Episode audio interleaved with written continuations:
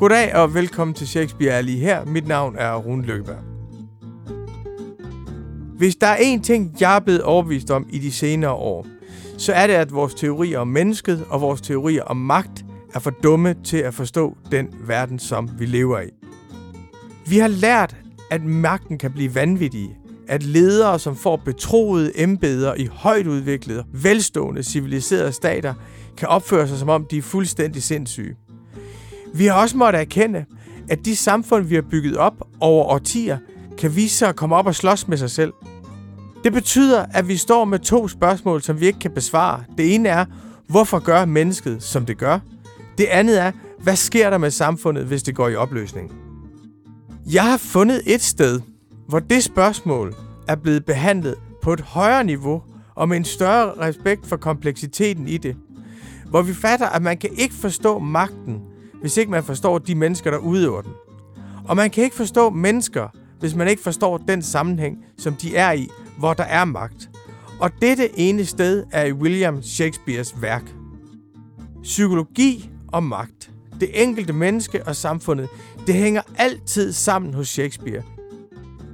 Jeg ved ikke selv specielt meget om Shakespeare, men jeg vil rigtig gerne lære mere.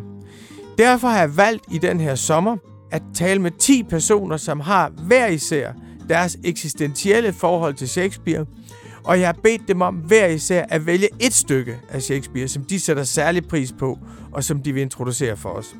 Som Machiavelli siger et sted, så er øh, de interessante konger er jo ikke dem, der naturligt har arvet kongemagten, men dem, der må kæmpe for den. For deres situation er jo den, al magt egentlig handler om, men det er meget mere tydeligt omkring dem. Og i lidt samme situation er Henrik den 4. jo i. I dag skal vi tale med lektor litterat og min meget, meget god ven, Christian Dahl, og vi skal tale om det stykke, der hedder Henry den 4. Han er kommet uretmæssigt øh, til magten, har ikke nogen naturlig autoritet, men må kæmpe for den, og derfor frygter han hele tiden, at den forsvinder. Hans autoritet er en kunstig autoritet, hvor selv hans egen søn øh, ved han ikke, om han kan stole på, og derfor er han hjemsøgt, søvnløs, plaget, syg af, af magten. Christian og jeg har studeret sammen, og vi har kendt hinanden i 30 år. Og vi har et ritual med, at vi øh, meget gerne en gang om måneden går en meget, meget lang tur. Nogle gange beslutter vi os for at gå en hel bydel igennem på en aften. Og på vores meget, meget lange gåtur, der har vi altid nogle temaer, vi tager op. Og et af de temaer, der har været genkommende, det er Shakespeare og det politiske. Og Henry den 4. er et drama, hvor der er noget politisk, der bliver sat på spil hos Shakespeare på en anden måde, end det bliver nogen andre steder. Og det er ikke noget, jeg selv har fundet ud af. Det er noget, Christian Dahl har fortalt mig.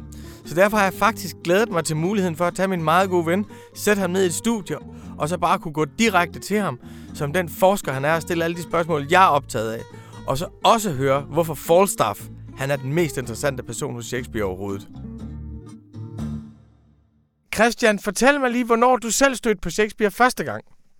Mit første møde med Shakespeare var øh, Kenneth Branaghs filmatisering af Henry V, altså efterfølgeren til det skuespil, vi skal tale om, øh, Henry IV. Det handler om øh, en af hovedpersonerne her, prins Hal, der er blevet konge og øh, øh, fører krig i Frankrig. Det er sådan et, et krigsdrama, men også øh, et, et meget sådan dystert ridderdrama, og øh, filmen er fra 1989. Øh, jeg var 15 år på det tidspunkt, og ret fascineret af middelalderen. Det var egentlig ikke så meget en Shakespeare-interesse, som jeg egentlig tror, det var... Øh, hvad skal man sige, et, et, et stort ridderdrama med øh, slagscener. Øh, og, øh, men jeg blev med det samme totalt fascineret af det her øh, vanskelige sprog øh, og de her øh, prangende scener. Men så var der også den her mærkelige bihistorie i skuespillet eller filmen nogle referencer tilbage til en forhistorie, som aldrig rigtig blev forklaret, øh, og som der gik flere år før øh, jeg øh, forstod, og det er nemlig referencen tilbage til øh, kongens øh, venskab, øh, da han var kronprins med øh, den tykke ridder Falstaff som jo er ham, vi skal øh, rigtigt øh, beskæftige os med i dag. Hvad har så været din relation til Shakespeare siden? Ja, altså jeg har læst Shakespeare ved, ved forskellige lejligheder, men øh, det var egentlig først øh, efter min PhD, da jeg skulle skrive postdoc, jeg kastede mig over øh, renaissanceteater. Jeg skrev PhD om øh, græske tragedier og øh, skulle skifte øh, emne øh, til, et, øh, du til en anden periode. Og, du blev, der var det imperativ om, at nu måtte du forlade antikken. Ja, ja. Og så var det jo oplagt at kaste sig over øh, den moderne tragedie og historisk politiske skuespil fra øh, renaissancen, som jeg har arbejdet med siden. Noget, som jeg egentlig, som jeg tit øh, har diskuteret, blandt andet med min datter, som jo har skrevet SRP-opgave om Shakespeare, det er, hvad er egentlig forskellen, hvis man skal forklare det meget kort, på den antikke tragedie, og så det, man kunne kalde for den moderne tragedie? Ja, uha, det er et af de store spørgsmål. Der er mange øh, forskelle. Øh, en måde at forklare forskel på, eller øh, forskellen på den antikke og den moderne tragedie, som går tilbage fra slutningen af 1700-tallet, det vil være, at de antikke øh, tragedier handler om sædelige, moralske konflikter mellem personer, hvor øh, hos Shakespeare rykker konflikterne også ind i personerne, øh, som får en anden form for øh, splittelse og dybde. Persondramaet bliver dominerende øh, i øh, moderne dramatik, og specielt med Shakespeare. Hvis man læser Aristoteles' poetik, så siger han, at plottet er det afgørende, og øh, skildringen af karakter og sindelag er noget sekundært, altså personerne er sekundære, men øh, Shakespeares store tragedier fokuserer jo på store personligheder, og ofte øh, er plottet sådan episodisk eller lidt øh, tilfældigt. Altså det er svært at øh, referere alt, hvad der foregår i et skuespil som Henrik den 4., som har en meget sådan øh, meget kompleks struktur, øh, ikke nogen klar sådan øh, plotopbygning eller plotafvikling. Det er faktisk en meget, det er meget sjovt, fordi det er, der er jo virkelig, altså det er jo også det, mange identificerer med Shakespeare, tror jeg. Det er karakterer. Det er nogle helt bestemte karakterer og nogle konflikter i de karakterer. Det, der ligesom var principper i kulturen, eller principper i sædeligheden, at det bliver til eksistentielle konflikter. Ja. Og det er sådan set også det, der kan være enormt fedt ved at læse det i dag. Det er netop koblingen mellem de to, synes jeg, at man forstår, at det psykologiske kan ikke forstås uden en kontakt med det etiske og det politiske omkring en, men at man heller ikke kan forstå det politiske og etiske uden at forstå det, det psykologiske. Hvad, hvad, er så din, øh, hvad er så din relation til øh, Shakespeare i dag? Hvor du jo, du har jo lige skrevet et, øh, en tekst i den antologi, der netop er kommet, som hedder Selvet fra sjæleliv til skolestil, hvor du har skrevet en tekst om, om Hamlet, som har fået titel efter den fantastiske opening line, Who's There? Ja, Jamen, jeg har som sagt øh, skrevet om Shakespeare og Shakespeare-tidens drama i flere år, undervist i Henrik den 4. Øh, det gør jeg hvert år, og det er en stor fornøjelse for mig at undervise i det skuespil, som jeg ikke rigtig har skrevet om, bortset fra, at jeg har i de senere år interesseret mig for slagscener, og dem er der jo en del af i ja, ja. det her skuespil. Det er et andet element, øh, som adskiller antik tragedie fra øh, moderne tragedie. I øh, græske tragedier sker der øh, meget lidt på scenen. Øh, det er som om handlingen ofte har fundet sted. Der foregår ikke så meget på scenen. Det er jo helt anderledes i øh, tidlig moderne drama, hvor du kan have krigsskildringer på scenen. Altså, der kan ske alt muligt. Dueller, øh, enormt meget øh, fysisk dramatik til stede på scenen. Og netop de her slagscener har fascineret mig for faktisk...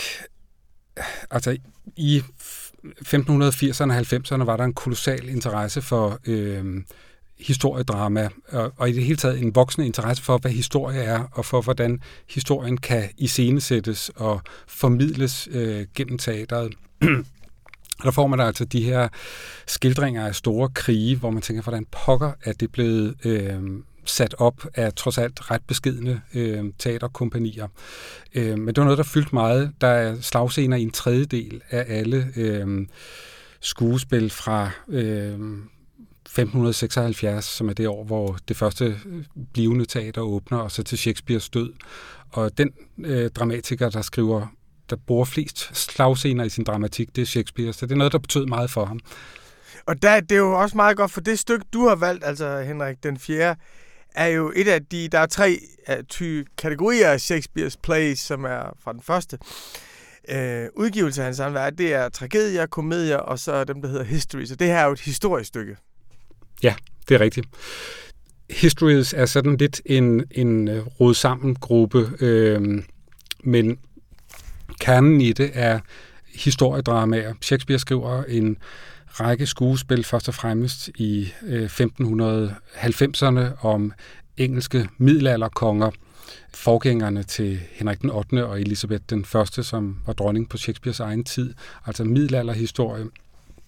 Og så skriver han øh, en håndfuld øh, romerske skuespil, øh, altså Julius Caesar øh, og øh, forskellige andre øh, dramaer om, om berømte romer, øh, Antonius, Marcus Antonius, øh, Cleopatra øh, osv. Kan man sige noget om, hvordan han omgås den, øh, den historie? Altså er der nogle særlige...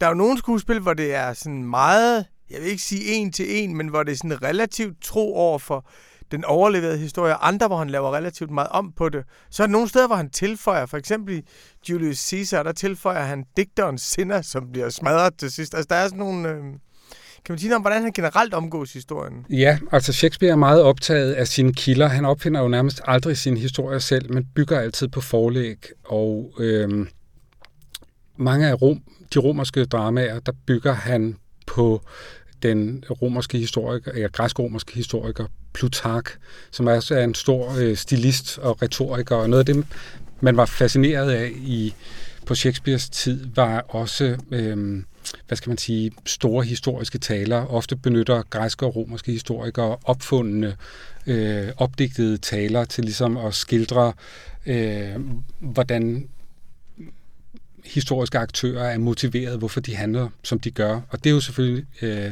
gefundenes fristen for dramatikere. Det er noget, man så gik væk fra i moderne tid. Og mange af middelalderdramaerne bygger på øh, en middelalderlig krønike-tradition, som er blevet opdateret på Shakespeares tid. Øh, så der har han et par sådan øh, mere detaljeorienterede, egentlig ikke særlig sådan litterært interessante øh, kilder, han bygger på, men som er meget, øh, som redegør for alt muligt omkring øh, øh, borgerkrigene der i omkring år 1400. hvor det er interessant at se, hvad er det, Shakespeare tager ud af kilderne, hvad bruger han, øh, hvad ændrer han på, osv. Det, det, det er en meget værdifuld nøgle til forståelsen af, hvad, hvor Shakespeare ser konflikten i sin skuespil. Altså, som Niels Brunse sagde øh, i en af de tidligere samtaler her i serien, så skal man altid huske på, at Shakespeares England var en politistat. Altså, at det var en, øh, en, en stat med meget hårde begrænsninger på, hvad man kunne sige og hvad man ikke kunne sige. Og især, hvem man kunne sige det om. I hvor høj grad har de her histories ligesom været en genvej til at tale om, om, om, om samtiden? Altså en måde at kunne lave nogle farlige ting og sætte dem i et ufarligt terræn, så at sige. Ja, øh, det er jo noget af det, der er meget øh, omdiskuteret blandt historikere, men der er nok ingen tvivl om, at i en tid, hvor man ikke har nogen fri presse, der har øh, fremstillingen af historien været en måde at spejle sin egen tid i fortiden. Det er omdiskuteret, hvor meget man skal læse mm, historie, Shakespeares historiedramaer som, hvad skal man sige, repræsentationer med en bevidsthed om, at fortiden er anderledes end nutiden, og hvor meget fortiden bliver en projektion for nutiden. Men, øh, men der er ingen tvivl om, at at man har kunnet spejle sin egen tid i de her skuespil. Forgængeren for det skuespil, vi skal tale om, øh, er øh, et, der hedder Richard II, og det handler om en øh, svag, udulig konge, som er sådan forblændet i magtens symboler, og som bliver afsat af en øh, kynisk og handerådig øh, adelsmand, Henry Bolingbroke, som bliver Henrik Henry the Fourth, eller Henrik den 4., altså kongen i det skuespil, vi har med at gøre. Og øh, på øh, det tidspunkt, hvor Shakespeare skriver sin skuespil, der har dronning Elisabeth, øh, hun er en gammel dame, øh, hun har ikke øh, giftet sig, hun har ikke fået nogen børn, ingen ved rigtig, hvem der skal overtage magten, der er forskellige folk, der står parat i kulissen, og en af dem, der på et tidspunkt forsøger at gribe magten, er ham, der hedder Jarlen af Essex, som er sådan en øh, rigtig øh, sværadel aristokrat, dyrker ridderskab, ridderidealer, landseturneringer og sådan noget. Han lider nederlag i øh, krig og øh, ryger i unåde, og så øh, forsøger han at anstifte et øh, Øh, oprør, et kup mod dronningen, med sådan en inderkreds af øh, kupmager, øh, blandt andet øh, en anden adelsmand, som stod øh, meget tæt på Shakespeares kompani.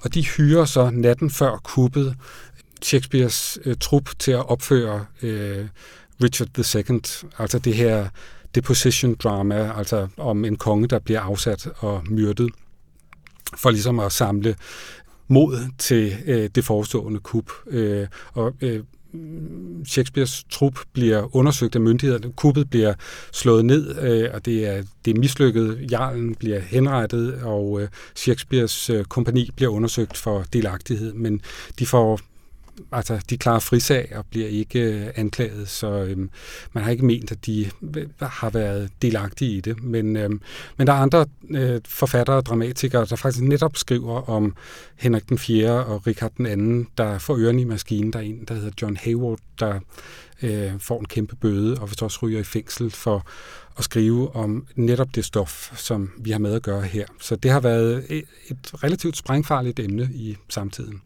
Det er brandbart stof, vi har med at gøre igen. Der er lige et spørgsmål, jeg vil stille dig, Christian, inden vi går til Henrik den 4. Og det er, du er jo litteraturforsker, og øh, vi har, det skal jo ikke være nogen hemmelighed, vi har også læst litteraturvidenskab sammen. Nogle har studeret i flere år end andre. Hvad hedder det? Øhm, men, øh, men det, der er jo vedholdende rygter og stærke historier om, at Shakespeare ikke selv skulle have skrevet sine skuespil. Og det er noget, når jeg har fortalt dem, nu laver vi de her samtaler om Shakespeare, så siger folk til mig, så skal I fandme finde ud af, om det er ham, der har skrevet det, så om, at der er virkelig behov for at få det her afklaret en gang for alle. Og folk, de vil ikke finde sig i det bundefangeri øh, længere. Hvor meget er der i det med, øh, at han ikke selv skulle have skrevet sine skuespil? Altså, det er ikke noget spørgsmål, jeg selv har været særlig optaget af. Øhm, grunden til, der, der er flere grunde til, at nogen mener, at det ikke er Shakespeare, der har skrevet øh, sine øh, skuespil. En af forklaringerne er, at vi jo ved meget lidt om Shakespeare. Altså, de kilder, vi har forskellige referencer til ham, og retsdokumenter, og forskellige hvad skal man sige, administrative papirer på hans økonomiske og professionelle liv, hans liv som forretningsmand. Så har vi nogle digte, han har udgivet i eget navn, og så skuespillene, som han faktisk ikke engang selv udgav, men øh, de blev udgivet af andre i hans egen levetid, og så af Ben Johnson efter hans død. Så Shakespeare er den her mystiske skikkelse, fordi han ikke efterlod nogen breve eller øh, noget vidnesbyrd om sit indre liv. Så han er ligesom, hvad skal man sige, en et tomt, ubeskrevet ark, der kun har efterladt øh, sit værk, og så nogle få oplysninger om sit professionelle og borgerlige liv, men intet om sit indre liv. Og det giver jo grobund for spekulationer. Så er der også det, at Shakespeare er øh, søn af en handskemager. Han var så heldig at få en virkelig god latinskoleuddannelse, øh, men han gik ikke på universitetet. Han har nogle år, hvor han er væk, øh, hvor man ikke ved så meget. The missing years. Ja, præcis.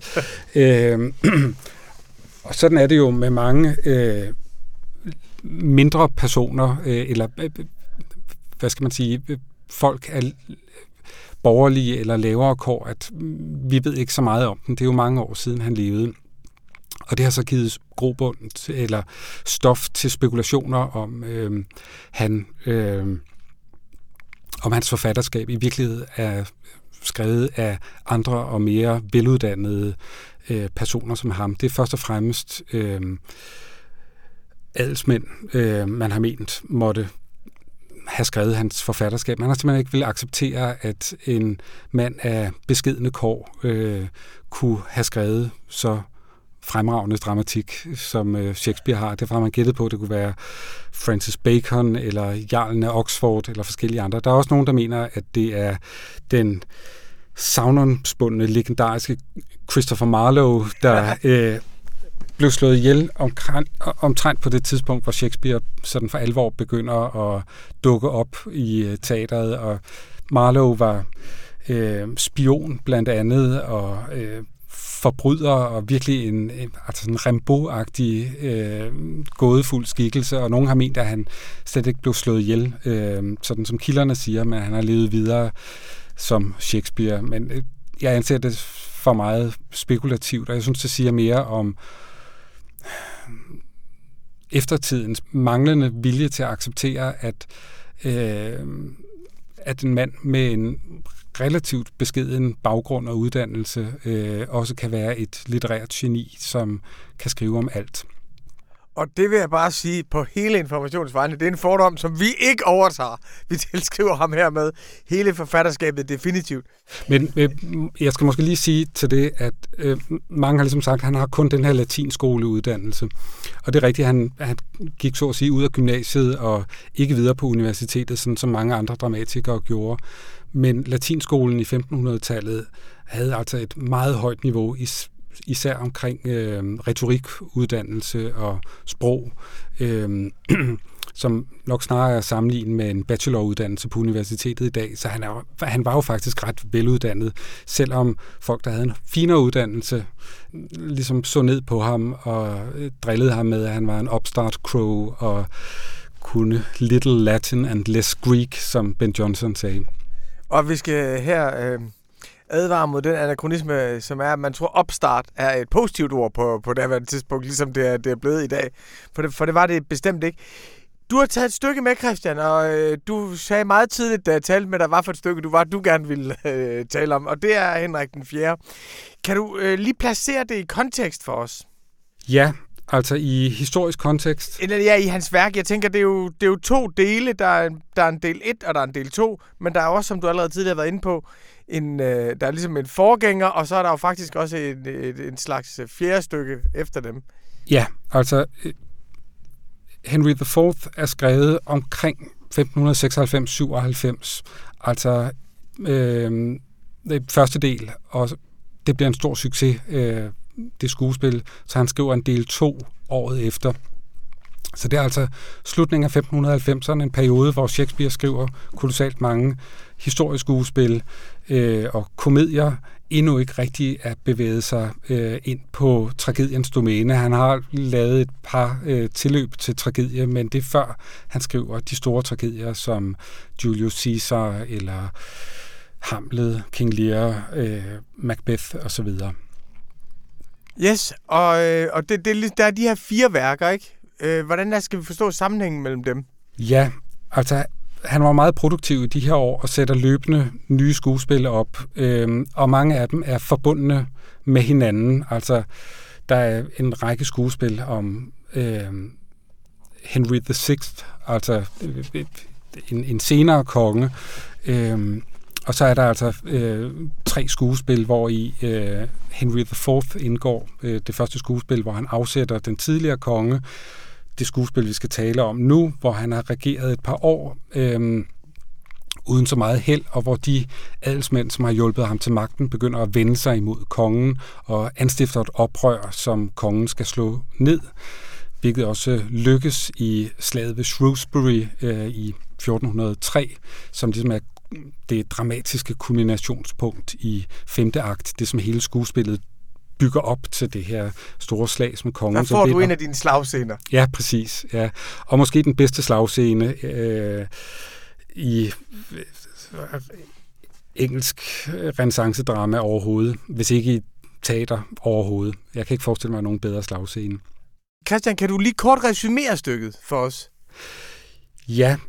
Øh, jeg skal passe på ikke at gøre det for langt, fordi øh, der er, altså den politiske kontekst er meget detaljeret udfoldet, og når man ser skuespillet, så glemmer man som regel rigtig meget af det, der foregår. Det er måske heller ikke så vigtigt. Så hvis vi ligesom skal skære det ind til benet, så begynder, den, så begynder skuespillet øh, på et tidspunkt, hvor kongen er presset, øh, valiserne gør oprør, skotterne gør oprør, og en nordengelsk adelsmand, der hedder Hotspur, som er en af øh, øh, skuespillets hovedpersoner, har vundet et slag for kongen, men af mærkelige grunde beholder han krigsfangerne Og der er noget uldent ved den måde, Hotspur opfører sig på. Så kongen beder Hotspur og hans øh, familie om at komme øh, til øh, hoffet og forklare sig.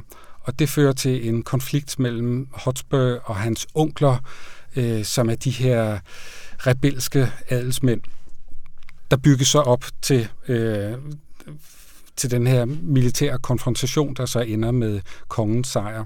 Men så er der også et andet meget øh, dominerende plot i skuespillet. For kongen ser med beundring på den her rebelske unge øh, ridder, der går i krig og ikke er bange for at true ham, og han kan godt spejle sig i den her rebel, som han jo også selv har været. Den her sådan iltre øh, ridderskikkelse. Og så ser han på sin egen søn og øh, må græmmes for hans egen søn, prins Hal, lever et udsvævende liv øh, i Londons øh, slum blandt øh, luder og lommetyve.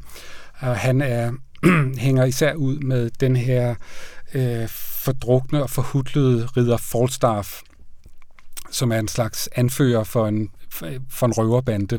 Øh, og øh, prinsen, kronprinsen Hal, er dødtræt af sin far og alle forventningerne til at skulle øh, være kronprins, og vil langt hellere hænge ud med øh, Falstaff og lave sjov og ballade.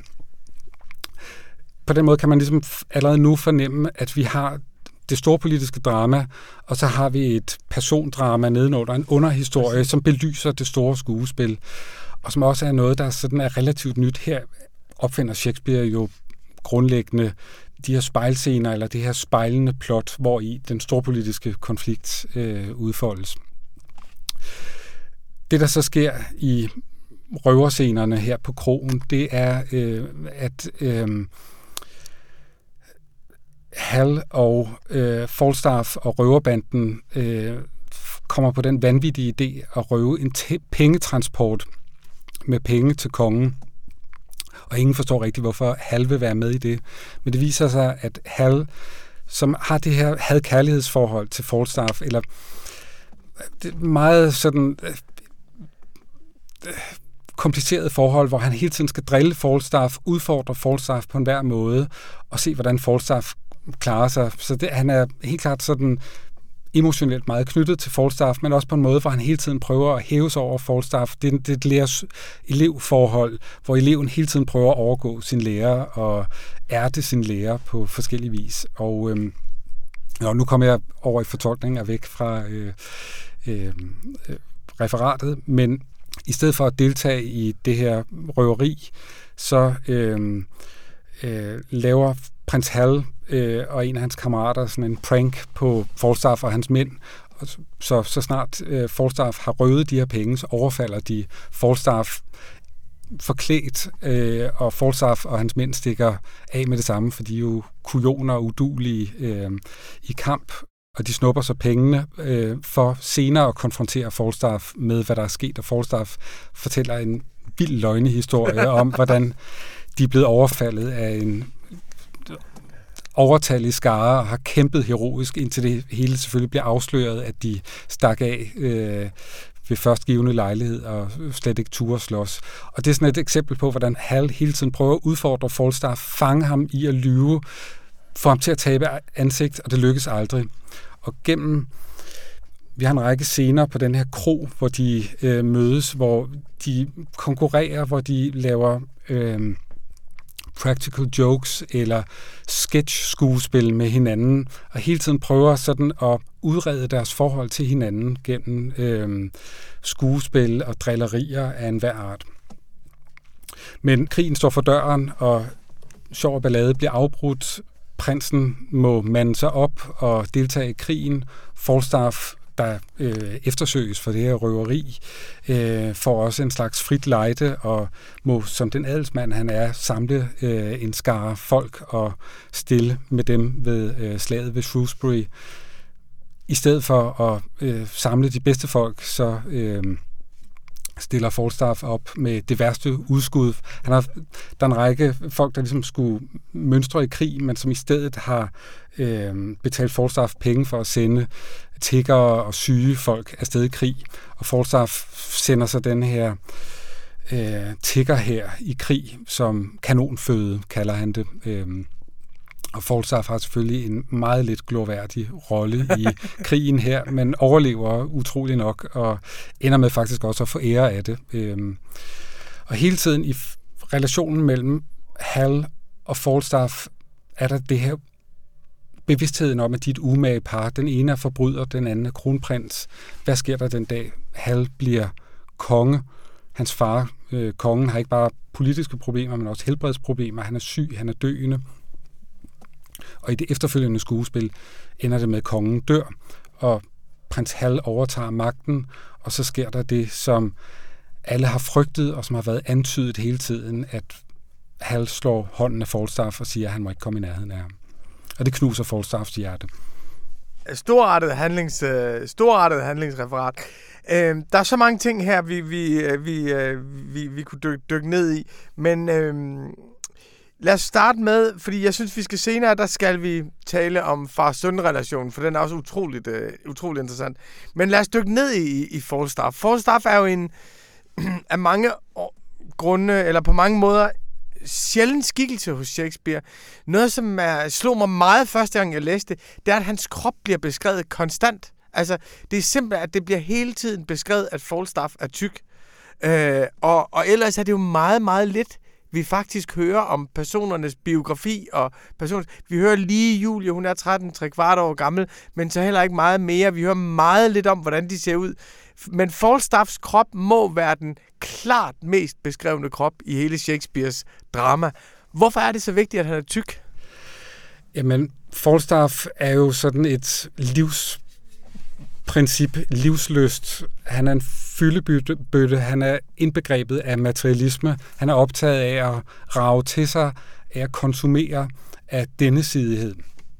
Og det er rigtigt, han er den kropsligt mest velbeskrevne øh, person i Shakespeares forfatterskab, alene fordi alle er fuldstændig besat af Falstaffs vældige læme, og kan ikke lade være med at fatshame ham i et væk. Altså, når du læser hans skuespil, de fleste af personerne, der er tæt på Falstaff, kan ikke lade være med at komme med lange tirader, hvor de omtaler Falstaffs krop på de mest øh, vanvittige måder. Så det er også, hvad skal man sige, en måde, hvor altså Falstaffs krop er en, er en sprogmotor.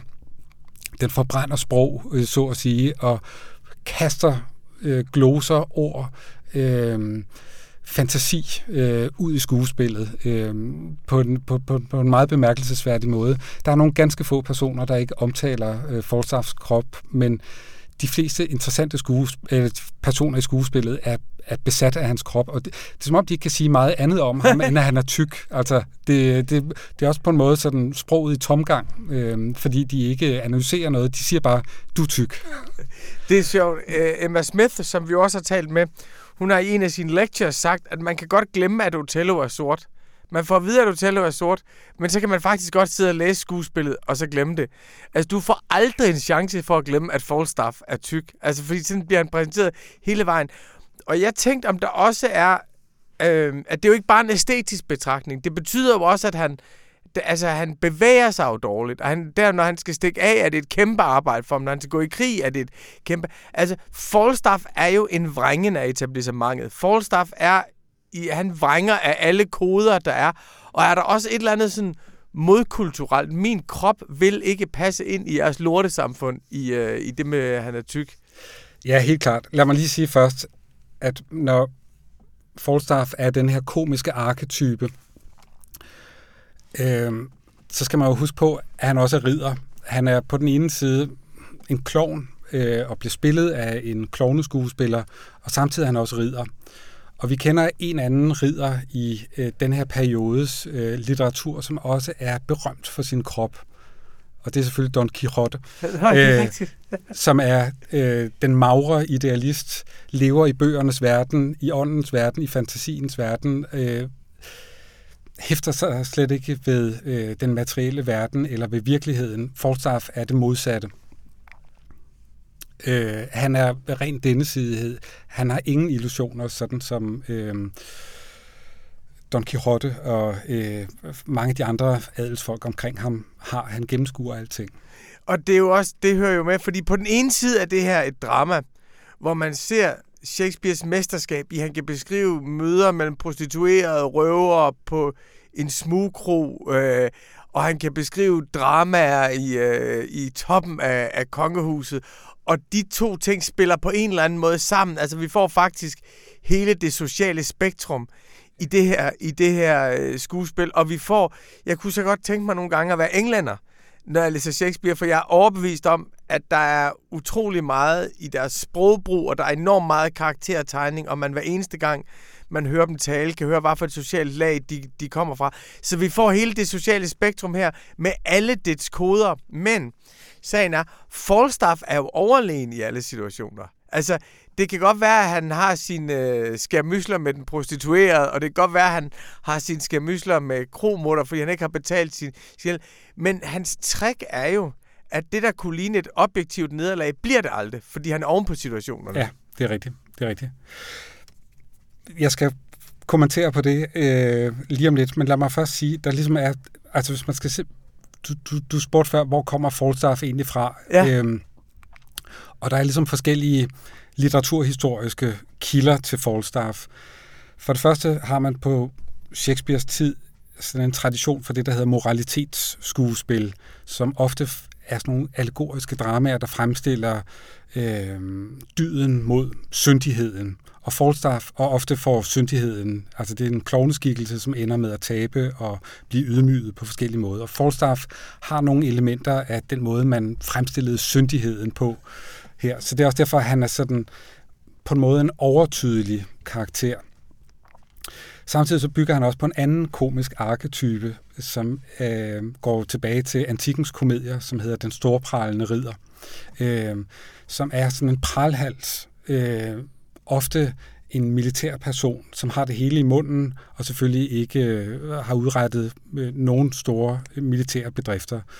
Øh, Plautus har skrevet en komedie, der handler om sådan en storpralende ridder, som øh, bliver latterliggjort og ydmyget til sidst. Øh, og det er altså sådan en person, der vandrer op gennem historien. Det Shakespeare gør, han er, overtager ligesom den her storpralende øh, arketype, øh, og forvandler ham til noget helt andet, fordi Falstaff hele tiden, det kan godt være, at han praler, han har det hele i munden, men han har også en utrolig sproglig overlegenhed, som gør, at man aldrig kan fange ham.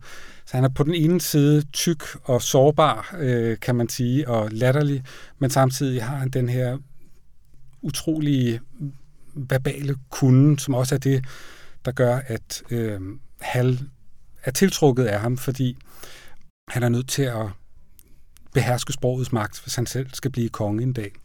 Man kan sige, hvis vi skal vende tilbage til det, øh, den politiske øh, kontekst her, at på det tidspunkt, hvor Shakespeare skriver, der er kongemagten meget svag. Man har ikke noget, nu sagde, citerede du Brunse før for at sige, at, øh, at øh, England var en politistat, men det var en meget, meget svag politistat, men en meget, meget lille statsmagt. Kongen har ikke nogen stående her. Han har ikke, øh, han har ikke særlig stærke institutioner eller noget som helst. Øh, og samtidig samler magten sig omkring kongehuset på forskellige måder, og den eneste måde, kongemagten ligesom kan fastholde sin position, er ved at illudere en magt, som kongehuset reelt ikke har. Og det er altså dels gennem iscenesættelse, som vi talte om før, men det er også gennem sprog, altså simpelthen øh, at kunne fremstille sig selv diskursivt eller i taler på den rigtige måde. Og det er det, øh, Hal vil lære af Falstaff. Falstaff har det hele i munden. Han, han kan ingenting, men øh, han kan han er en mester i at bullshitte, som øh, man vil sige, altså tale usandt, men på en måde, hvor han aldrig bliver fanget i at lyve.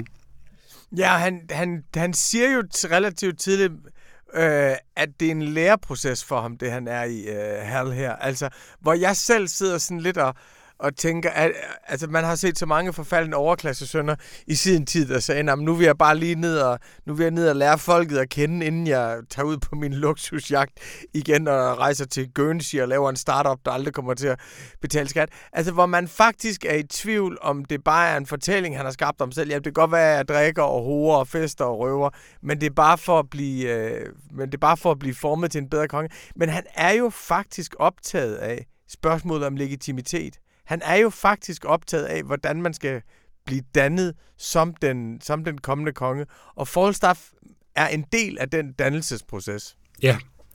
Med til historien hører, at øh, efterfølgeren til de to øh, skuespillere om Henrik den 4. er jo Henrik den 5., hvor øh, prins Hal bliver konge, eller er blevet konge, og fører nogle meget succesrige krige i Frankrig og ender som den store krigerkonge, blandt andet i kraft af øh, sine store øh, talegaver.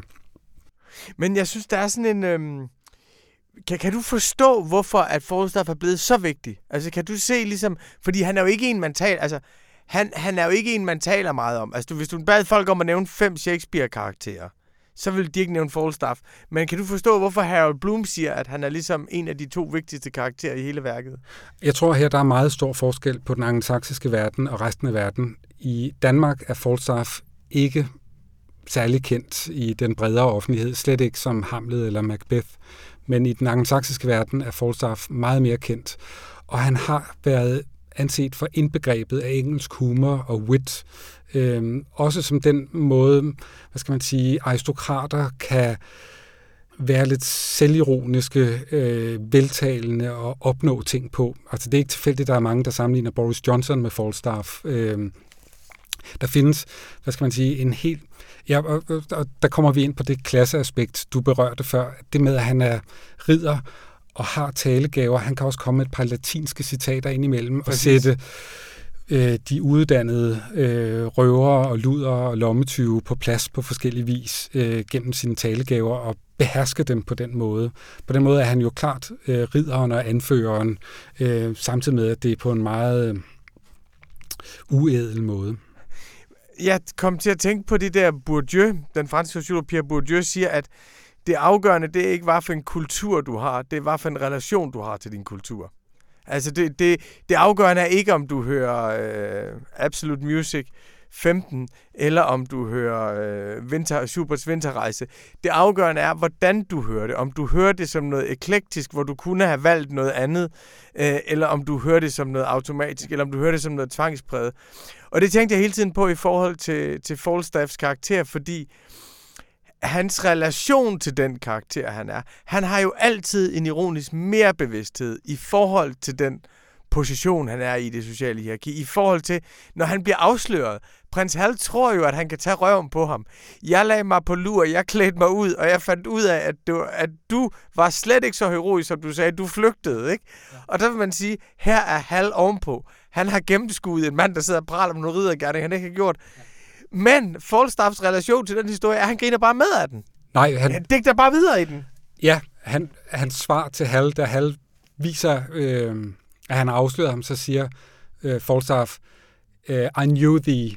Altså, ja, præcis. Jeg vidste godt, det var dig. Jeg vil bare ikke, jeg kunne ikke angribe dig, fordi du er jo min sande prins, og den sande løve angriber ikke prinsen. Og det, øh, det der, det er fantastisk. Det, jeg synes, det er fantastisk det her, at han i situationen, hvor han er fuldstændig afsløret og nedværdiget, at der viser han fuldstændig mere bevidsthed. Altså, han har en replik, der passer.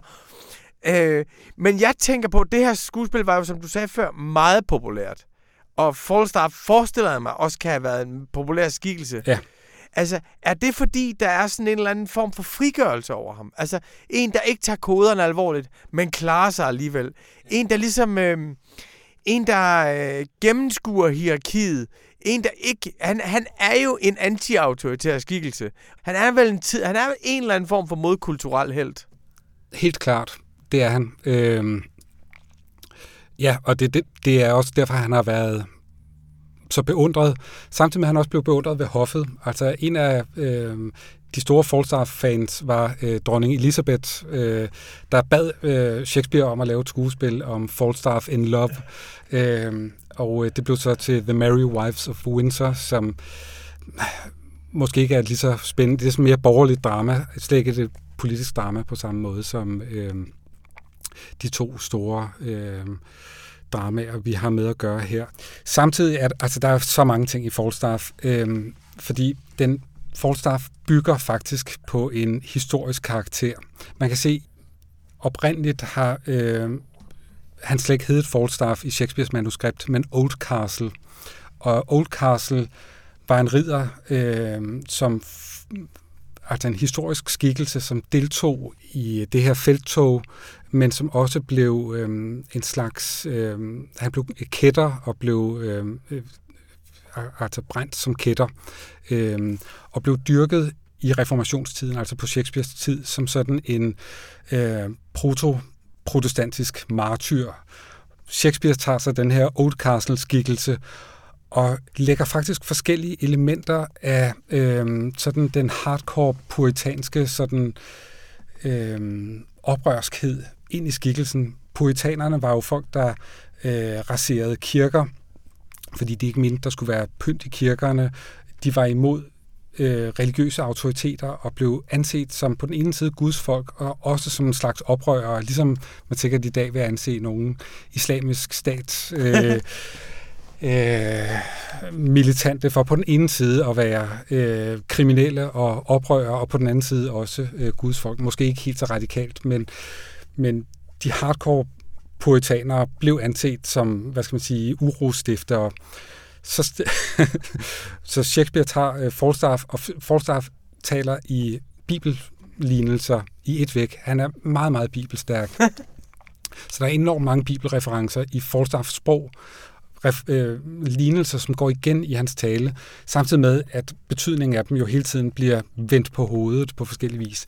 Der skete så bare det, at øh, den øh, adelsmand, som stod for censurmyndigheden i England på øh, Shakespeares tid, han var en efterkommer af den historiske Oldcastle, så han brød sig jo ikke om, at øh, øh, Oldcastle blev latterliggjort på den her måde, det her skuespil som den tykke ridder, så derfor øh, øh, kom Falstaff til at hedde Falstaff i stedet for. Men er det ikke rigtigt, at der er en rest af henvisning? Der er et tidspunkt, hvor der er en, der har en replik, hvor, man, hvor han siger Old et eller andet ja, Castle. Ja. Altså, den er ligesom, øh, det kan godt være, at de har censureret den ud, men der er en lille, der er en lille, der er en lille ja, subversiv ja, hilsen til ja, Old Castle præcis, stadigvæk. Ja, ja. det, det synes jeg er sjovt. Hvad hedder det? Vi skal et andet sted hen, også i, uh, i, det, her, uh, i, det, i det her stykke, fordi som så meget ofte hos Shakespeare før, så er det personlige og det politiske, de store magtforhold, de er knyttet tæt sammen til, øh, til de nære familieforhold.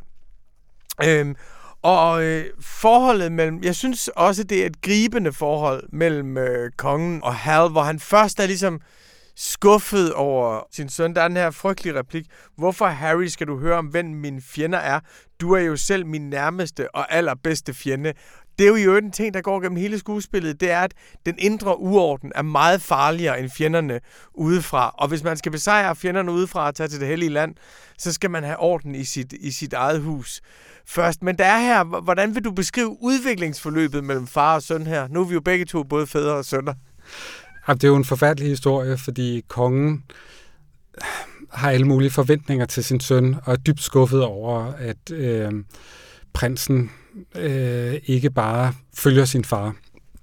Og han, han, han drømmer om, at det var Hotspur, der var hans sande søn, og de to børn øh, var forbyttet i vuggen. I, vir- i virkeligheden var øh, Henry Percy øh, Hotspur øh, på kongens egen alder, men Shakespeare har gjort ham til en jævnaldrende med Hal, for at de to unge hedsporer her øh, kan spejle sig i hinanden. De jo oprører begge to, den ene med et faderoprør, og den anden som politisk oprører. Og Hal svinger frem og tilbage. På den ene side flygter han over mod øh, erstatningsfaren øh, Falstaff, og på den anden side, da det virkelig brænder på, og kongen er ved at forstøde ham, så øh, melder halser under fanerne og tilbyder, at i stedet for det store slag, så kan han duellere mod øh, Hotspur, som ellers går for at være øh, en, en meget bedre kriger end ham selv. Og det ender faktisk også med i ved slaget ved Shrewsbury øh, i Shakespeares version, at Hal øh, slår Hotspur ihjel i tvekamp, hvilket ikke skete i, i virkeligheden. Men det er altså Shakespeares opfindelse. Ja, og så kommer vi jo hen, fordi der er så mange sjove ting i det. Jeg synes, det er en sjov pointe altid hos Shakespeare. Det er, at at den, der har magten, har ofte selv været oprører. Og, og når det, er, det er jo som, øh, som en af mine gamle venner altid sagde, altså hvis man får en ny kæreste gennem utroskab, så kan man virkelig ikke være, så kan man virkelig ikke blive chokeret, hvis det, den nye kæreste så er utro med, med en anden. Så man har, man har fået magten meget ofte ved noget, som man nu skal forsvare sig imod. Og der er jo, et, og det, det går vi igennem hele, hele vejen i, øh, hele vejen. Øh, så den vold, der grundlægger magten, skal man uddrive, når man forvalter magten. Men den er jo blevet eksistentiel her, fordi at, at kongen så har faktisk en sympati for oprøren, som vil, som vil slå ham selv ihjel og få ham selv ud. Ja, som Machiavelli siger et sted, så er øh, de interessante konger er jo ikke dem, der naturligt har arvet kongemagten, men dem, der må kæmpe for den. For øh, deres situation er jo den, al magt egentlig handler om, men det er meget mere tydeligt omkring dem. Og i lidt samme situation er Henrik den 4. jo i. Han har han er kommet uretmæssigt øh, til magten, har ikke nogen naturlig autoritet, man må kæmpe for den, og derfor frygter han hele tiden, at den vil forsvinde. Hans autoritet er en kunstig autoritet, hvor selv hans egen søn ved han ikke, om han kan stole på, og derfor er han hjemsøgt, søvnløs, plaget gennem begge skuespil, syg af, af magten på en måde, som altså mange af Shakespeares øh, magthavere er jo syge på grund af deres magt. På, på, på forskellige magten det er en sygdom for dem. Øh, og det relaterer sig jo igen til den her politiske kontekst hvor øh, tidligere i middelalderen var konger jo konger af Guds nåde men Elisabeth den første far, øh, Henrik den 8., øh, havde jo meldt øh, øh, England ud af den øh, katolske kirke og lavet sin egen kirke, så at sige. Og derfor var, hvad skal man sige, kongemagtens guddommelige autoritet en lille smule tvivlsom på den her tid. Så det her spørgsmål om, hvor, hvor, henter man, hvor henter man sin autoritet fra, hvordan bygger man den op, det er jo et akut øh, politisk spørgsmål i den her tid. Ja, og det er jo hele tiden hos Shakespeare det der med, at du kan godt se, at magten er vilkårlig. Altså, Falstaff kan jo gøre grin med alt ved magten, og det vil vi jo i vores tid sige, okay, magten er, magten er vilkårlig, den er ikke legitim, lad os fjerne den. Men samtidig med, at du kan se, at den er vilkårlig, og du kan gøre grin med det hele, som Falstaff gør, så den, der gør op med den, bliver straffet. Altså, magten er vilkårlig, men du skal affinde dig med ja. den. Og, ja. og, og på den måde er... Og det fede ved Shakespeare, noget af det fede ved Shakespeare, er jo så, at det er så åbent. Så de sådan progressive revolutionære. De kan sige, at se, Falstaff er en kæmpe stor held. Han gør grin med dem alle sammen og er oven på situationen. Han står uden for hierarkiet. Han tager bukserne af alle autoriteter. Mens dem, der er, dem, der er konservative og forsvarer samfundet, de siger, jamen se, hvordan det går ham. Altså, han ender med at blive, han ender med at blive landsforvist, og hvis han ikke var endt med at blive landsforvist, så var det endt med et blodbad som i Julius Caesar, eller et blodbad som i, som, som ikke, men der er hele tiden den her ambivalens omkring magtens konstitution og magtens øh, retfærdighed. Men der er en anden scene, som vi også lige skal vende, Christian. Og det er jo den i forhold med, som jeg synes er fuldstændig øh, gribende. Det er jo der, hvor Hal tror, at hans far er død. Altså, at han tager... Altså, den her søn, der har skuffet sin far så mange gange. Og så er han hos sin far, og så er faren meget syg, og Hal tror, han er død, og tager hans kongekrone på hovedet og går ud, og hvad sker der så? Så vågner faren op. Ja. og øh, tror med det samme, at hans søn har forsøgt at afsætte ham, og nu har øh, stjålet kronen fra ham, og Hal går egentlig bare i sine egne, sine egne tanker. Altså, Hal er, Hal er også lidt fjummerhoved undervejs ja. i skuespillene, øh, hvilket måske er hans mest sympatiske træk, og kongen kommer med den her kæmpe anklage imod ham, og øh, Hal forsøger at forklare misæren, og derefter kan kongen så udånde og Hal kan så blive konge efterfølgende. Men selv det, der ligesom skulle være den gribende afsked mellem far og søn, er korrumperet og latterligt gjort af beskyldninger og misforståelser. Vi kan selvfølgelig også øh, sige noget om, nu var du inde på det her før med autoriteten, Rune, at øh, øh, den måde, man tænker politisk magt på i 1500-tallet, og hvad skal man sige, det politiske håndværk er jo meget tænkt som skuespil. Altså, du skal gribe din rolle i livet. Du skal udfylde en bestemt rolle, som ikke nødvendigvis er en mm, tilfældigt opfundet rolle, men en given rolle. Øh, det, der forventes af dig som konge. Øh, hvordan, hvordan udfylder jeg min, min rolle bedst muligt? Men det er ikke bare et skuespil, det her. Det er jo også eksistentielt, ikke? fordi øhm, kongen har ikke bare en rolle som tronraner og konge, det er også det, han er. Så i det øjeblik, øh, altså hele den korruption, der knytter sig til hans kongemagt, er også en, der rammer ham eksistentielt i hans forhold til sin egen søn, altså til sin egen familie. Ikke? Øh, og det er derfor næsten alle de store magthavere hos øh, Shakespeare også er familiepersoner. Det er fantastisk, og det er også, jeg tænker tit, når jeg hører de der sådan, politiske kommentarer og sådan spændanalyser og sådan noget, så man er jo tilbøjelig til at sige, at kommentariatet de er hjernedøde og, og hele det der spænd og sådan noget. Men det er jo meget tæt på det, Shakespeare laver. Altså, det er jo meget tæt på hvordan, det der, vi siger, man, nu skal I snakke om substansen, i stedet for at tale om, hvordan de agerer. Men der er jo enormt meget hos Shakespeare, hvor den måde, du agerer på, altså selve spillet, ja. faktisk er substansen. Ja, ja, det er rigtigt. Og det bliver jo også udstillet helt bevidst af Shakespeare. Altså, jeg nævnte før de her spil, som Falstaff og Hal har med hinanden. Og øh, da Hal får at vide, at han skal op øh, og stå skolegang hos kongen, så forestår øh, Falstaff, at de jo kan øve sig på øh, det forestående møde med faderautoriteten. Og øh, så laver de et lille improviseret skuespil på krogen, hvor Falstaff først øh, spiller kongen og tager en pude på hovedet, og øh, jeg kan ikke huske, hvad det er, han har som scepter, men det er jo, hvad skal man sige, fuldstændig profane genstande. Øh, og så spiller de et lille skuespil, hvor øh, Falstaff spiller kongen, og Hal spiller Hal, øh, og øh, derefter bytter de roller, og da, Falstaff, øh, da Hal foreslår, at de skal bytte roller, så begynder Falstaff selvfølgelig at spille på det her med, når forsøger du nu at afsætte mig, og sådan noget. Så der er det hele, øh, hvad skal man sige, øh, anticiperet. Men der ligger jo den her idé om, at hvis, hvis magt er skuespil, så kan enhver jo også gribe magten ved at spille skuespil. Altså, så er der ikke, der er ikke noget heldigt. Alt kan udskiftes med noget andet. Og enhver person, enhver skuespiller kan udskiftes med en anden skuespiller. Ja, det er så, den er så fantastisk, den scene på kronen, fordi jeg synes, den... For, man sidder jo hele tiden... Jeg sidder tit med Shakespeare og tænker, så hvor interesseret er jeg egentlig i, magtforvikling og psykologiske intriger i samfundets absolute top? Altså hvor, meget, altså, hvor meget er kongernes eksistentielle genvordigheder? Altså, hvor interessant er det egentlig for mig?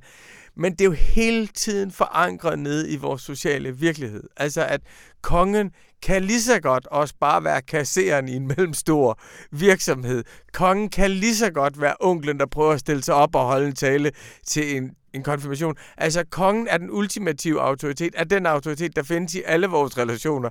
Og det er det, som vores ven Falstaff, han tager fuldstændig overlænt ned i kronen og viser, at det er også et, det er også et, et drama her. Det er jo ligesom også en metabevægelse, ikke? Altså, det der, det du ser derop kan vi godt stå og lave hernede i kronen. Vi har bare en pude på hovedet i stedet for en krone. Jeg synes, det er en fuldstændig fantastisk ja. scene.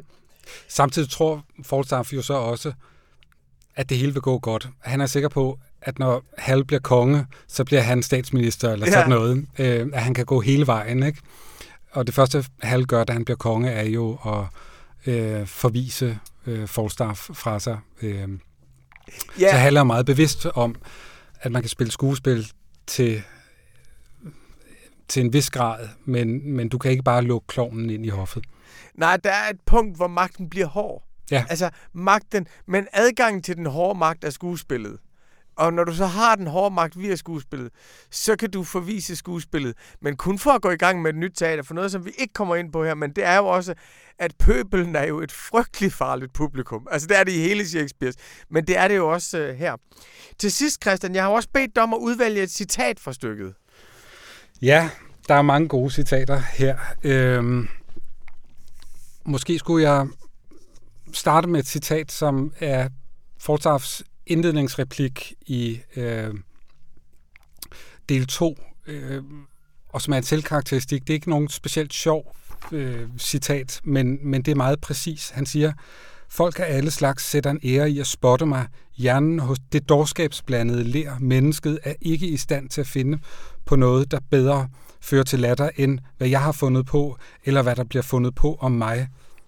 Jeg er ikke bare vittig i mig selv, men grunden til, at der findes vid hos andre. Og det er jo faktisk meget rigtigt, fordi øh, enhver veltalenhed knytter sig til øh, Falstaff-skikkelsen i, i Jeg synes, det er en... Altså, Christian, vittigheder har vi jo nok af i vores liv. Ja. Altså, vi har masser af jokes, men det der er jo en fantastisk karakteristik af en karakter, som vi er vant til at gøre grin med, indtil vi finder ud af, at det ikke bare er det os, der er til grin, men vi har faktisk brug for den latter. Og hvis der ikke var den klovn, så havde vi ikke blikket for klovneriet selv. Ja. Må jeg komme med et andet? Du får to. Et, øh, et andet yndlingscitat. Det er fra den berømte slagscene her, eller femte akt. Øh, slaget Og det ved vi, det kan du godt lide. Miss Rosebery, yes.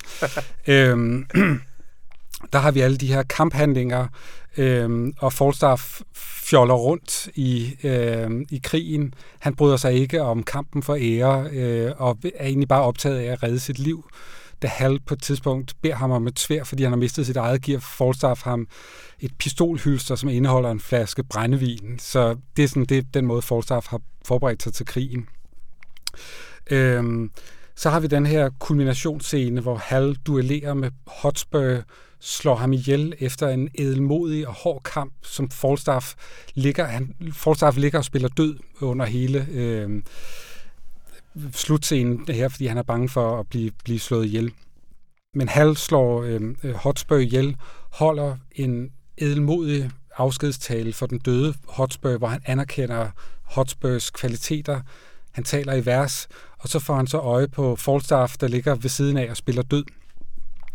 Og formentlig er han godt klar over, at Falstaff bare spiller død, at han ikke er død. Øhm, og så holder øhm, sådan en lidt ironisk øh, afskedstale til øh, den faldende Falstaff, hvor man ikke rigtig kan finde ud af, om han tror, at han er levende eller ej.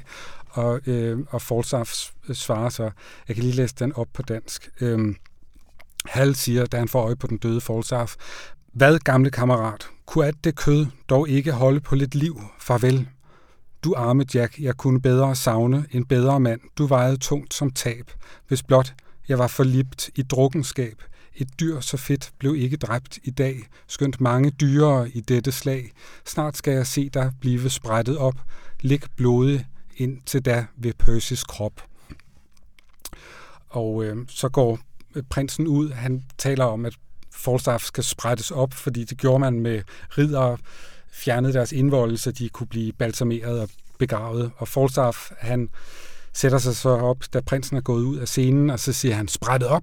Hvis du sprætter mig op i dag, giver der dig lov til at salte mig og æde mig den dag i morgen. Guds dros, det var tid at simulere. Ellers havde den arige trold af en skotte sørget for, at jeg ikke fik mere skotte til. Simulere, jeg lyver. Jeg er ikke simulant. En død mand er en simulant, for et lig simulere at være et menneske. Men at simulere død, når man kan holde sig i live ved det, det er ikke simulering, men det sandeste billede på livet. Den bedste del af tapperheden er dømmekraften, og med denne bedste del har jeg reddet mit liv.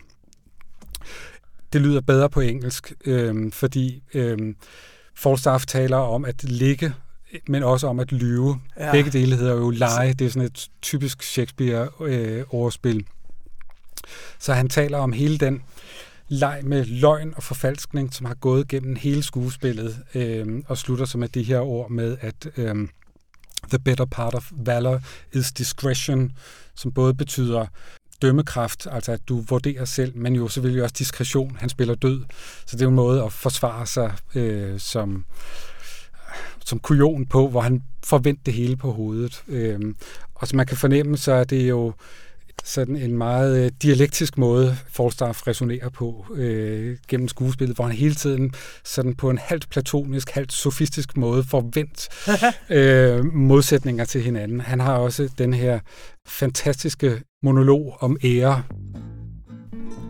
lige før slaget går i gang, som er sådan en slags platonisk dialog, han fører med sig selv. Jeg kan ikke lade være med lige at give dig det citat med, Rune. Han siger, vi har lige hørt store taler om, hvordan øh, man nu skal ud på ærens mark, og så kommer Falstaff med den her sådan fuldstændig materialistiske fortolkning af, hvad ære er. Han siger, kan æren sætte et ben på igen? Nej. Eller en arm? Nej. Eller fjerne smerten fra et sår? Nej. Æren dur ikke som læge, vel? Nej. Hvad er æren? Et ord. Men hvad ligger der i ære? Luft. Et pænt tal på bundlinjen. Hvem har den? Ham, der dødes i onsdags. Kan han mærke den? Nej. Kan han høre den? Nej. Så er den altså ufattelig? Ja, for de døde. Men lever den ikke blandt de levende? Nej. Hvorfor ikke? Sladeren vil ikke tåle den. Derfor vil jeg ikke have den. Æren er bare en borgerbuket, og dermed ender min katekismus. Det er et ret fantastisk citat. Jeg synes også, vi skal slutte der, fordi det er jo ligesom... Ja, det er jo Falstaffs katekismus og en øh, total omvurdering af alle værdier med et ironisk overskud, som man kun kan levere, hvis man selv er ridder. Det er sandt. Tak for, du kom, Christian.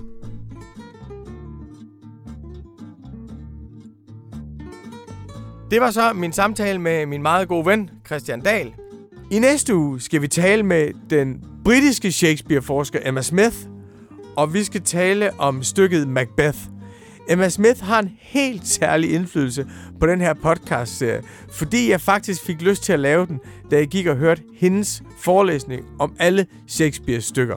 Så jeg håber, at I også får lyst til at høre med i næste uge. Tak fordi I hørte med i dag.